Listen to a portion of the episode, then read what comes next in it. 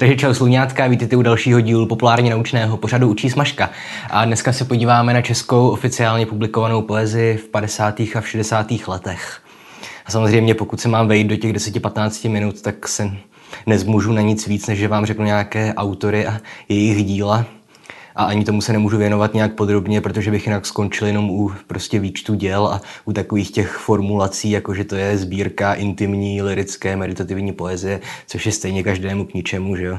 To do půl hodiny zapomenete tyhle ty fráze, takže se spíš opět pokusím o to nějak ukázat tu celkovou situaci na české básnické scéně v té době. No a už jsme si řekli, že v 50. letech vlastně fungoval ten dogmatický marxismus v Československu nebo stalinismus dokonce a že jediný směr povolený a oficiální byl ten socialistický realismus, takový hloupý a prázdný směr, že kde se jenom ukazovala nějaká ta optimistická radost toho pracujícího lidu a byl, byl vlastně zakázaný jakýkoliv subjektivismus. Jo. Všechno, všechno to muselo být objektivní a hrdinou musel být vždycky nějaký bezejmený dělník, případně voják rudé armády. Ale Samozřejmě tohle se začalo měnit, především po roce 56, jak už jsme si říkali. A co se týče poezie, tak první nějaká skupina, která se vzepřela tomuhle oficiálnímu programu, um, to byly, tak říkáme jim někdy, básníci všedního dne. Jo, skupina autorů, která se združila kolem časopisu Květen. Jo, Květen vznikl, myslím, už na konci roku 55 jako časopis pro mladou poezii. A o rok později tohle nebylo plánované, vznik téhle skupiny, ale vlastně shodou okolností si tam sešly vedle sebe dva texty. Um, báseň Josefa Brucknera, uh, Oda na sušení prádla a, text uh, Miroslava Holuba Náš všední den je pevnina. Um, oba tihle autoři se stali předními postavami um, těch té skupiny básníků všedního dne, ale už ten název, jo, Oda na sušení prádla, vám naznačuje a i ten název Básníci všedního dne, v čem spočívala poetika téhle skupiny. Zkrátka psali jenom o tom, jak běžný člověk prožívá běžný den. A samozřejmě různí autoři to pojímali jinak. Někdo tam dával hodně subjektivismu, někdo ne, někdo se tomu vyhýbal. Ale důležité bylo, že zkrátka tahle ta skupina se dokázala nějak postavit té oficiální a vládou protežované ideologii toho socialistického realismu. No. Takže jenom z autorů v rychlosti zmíním, už jsem říkal Miroslav Holub, velice zvláštní zjev, uh, už protože to byl povoláním biolog nebo vědec, který pracoval hodně v laboratoři a tohle částečně přinesl i do své poezie. Je opět ta poezie je uh, specifická v tom, že zkrátka uh, v souladu s tím vědeckým postupem, který používal Holub i ve své práci, ona se nesnaží věci nějak morálně hodnotit. Jo? Zkrátka jenom popisuje to, jak hm, vypadá nějaký náš život nebo všechny fenomény spojené s existencí.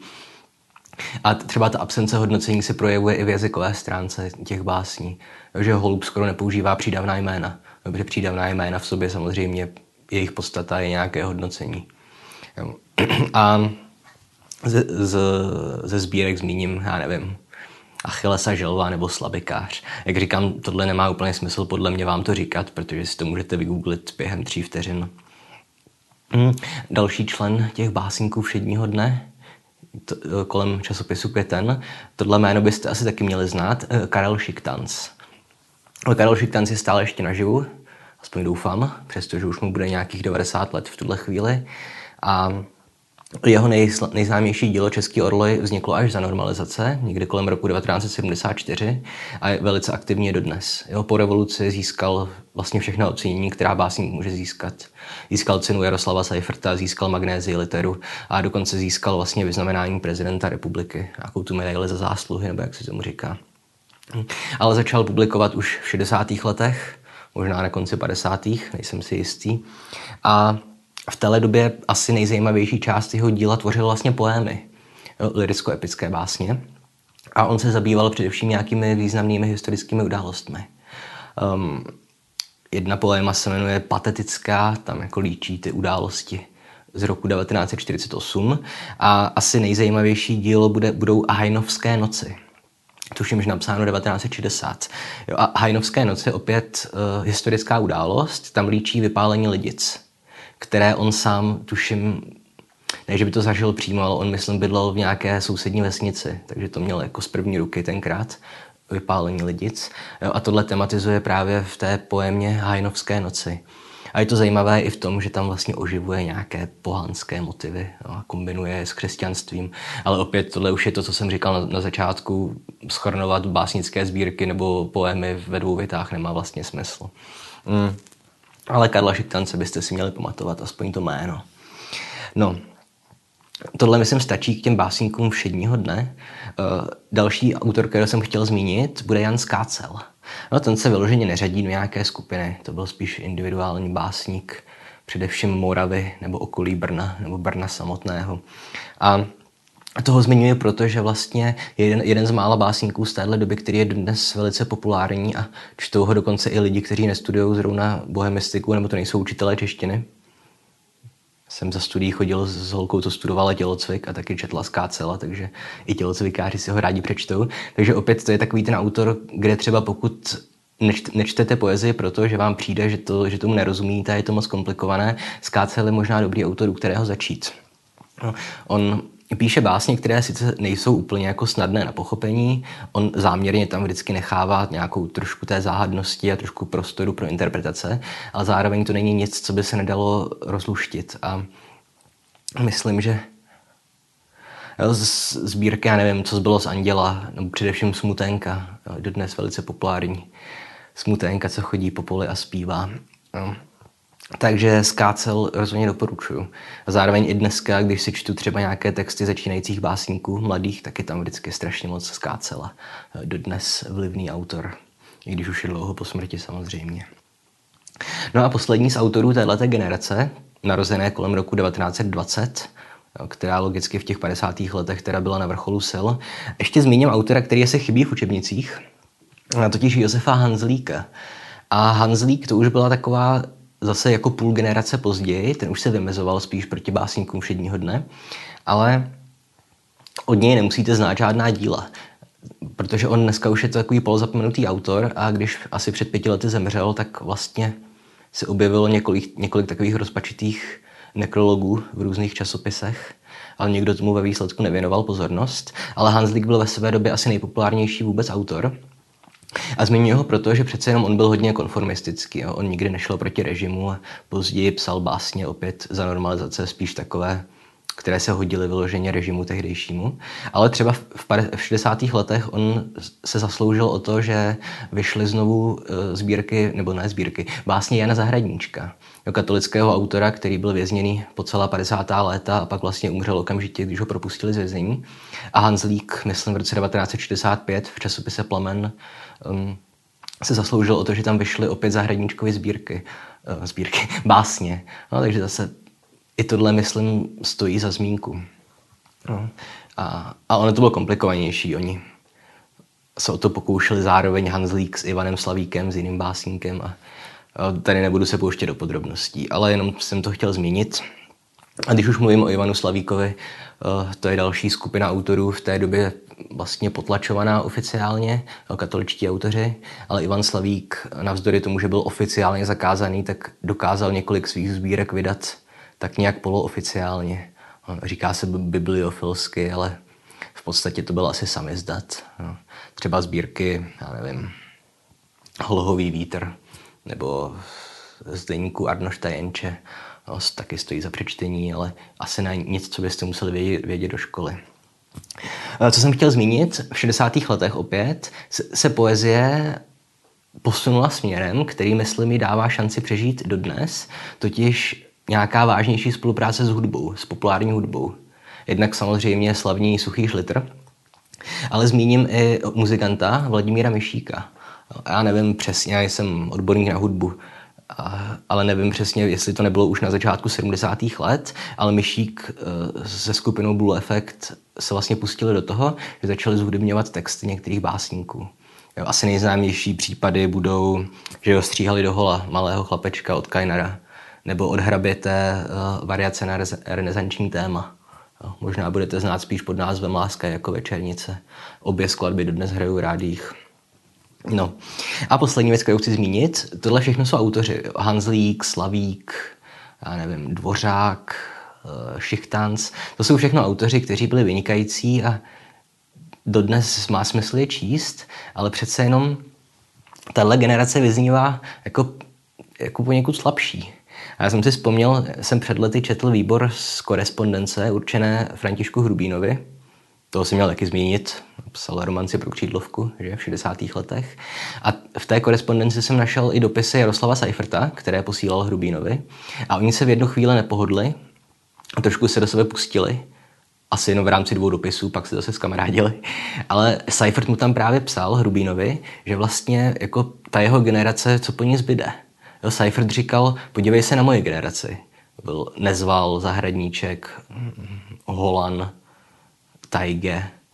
Jo. A koho máte vy? Slavíka, Hanzlíka, Dvořáka, Šiktance. Jo. A když se na to podíváte s dnešním odstupem, tak asi musíme říct, že Seifert měl pravdu, že? Že autoři jako sám Seifert, nebo Nezval, nebo Zahradníček, nebo Halas, nebo Holan, to jsou prostě jména, která asi znají i lidi, kterým je poezie úplně putna, Martince, ale autoři jako Slavík nebo jo, jsem to zmiňoval, Holub, Šiktans, přece jenom ne tak významná generace básnická. A asi můžeme spekulovat o tom, proč k tomu došlo. Že?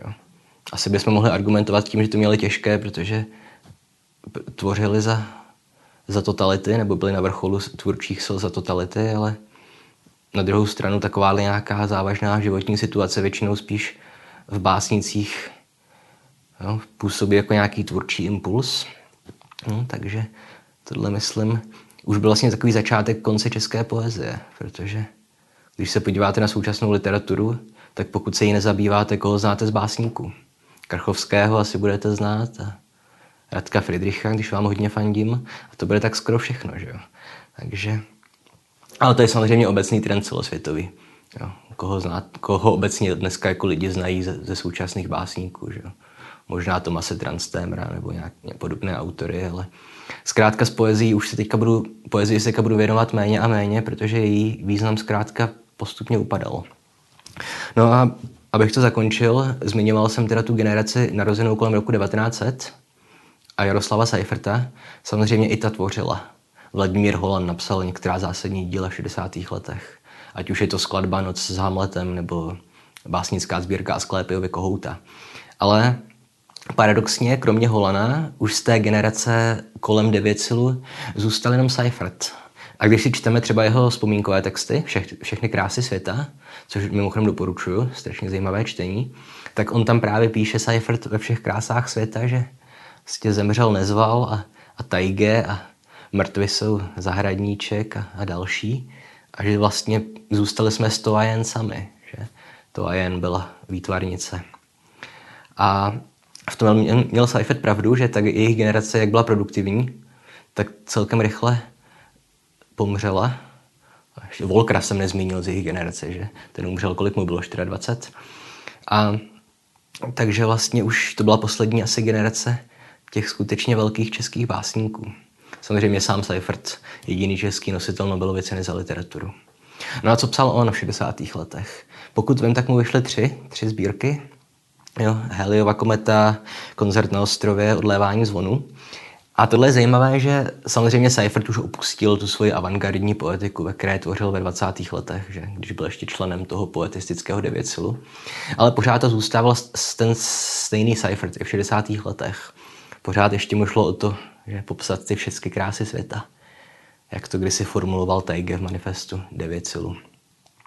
Ale zároveň už uh, v tomhle to byl Seifert stejný jako před, tě, před 40 lety, ale už do té poezie přece jenom proniká nějaké to prisma blížící se smrti a Seifert si se pořád píše o těch krásách světa, ale už se vzdává veškerého rýmování. No, ty básně už jsou jenom psané volným veršem, jestli se nepletu, bez rýmu a už tak jenom spíš popisuje ty všední situace a když zmiňuji to prisma blížící se smrti, tak jestli jsem si zapamatoval nějaký jeho verš, tak to je vždy jsem měl rád k hřbitovi, ale, ale nechám se spálit, protože nechci ležet v řadě. Že? Takže to, to byl ten poslední přeživší z té velké generace, z té zlaté generace české literatury, Jaroslav Seifert. A, A myslím, že to úplně stačí k oficiální poezii 50. a 60. let. A příště už se teda podíváme na, na normalizaci na 70. a 80. léta a v příštím díle, myslím, těch 10 minut mi vystačí tak maximálně na to, abych vůbec obecně popsal, co se tady stalo politicky a kdo všechno emigroval a jaký to mělo vliv na, souča- na domácí situaci literární.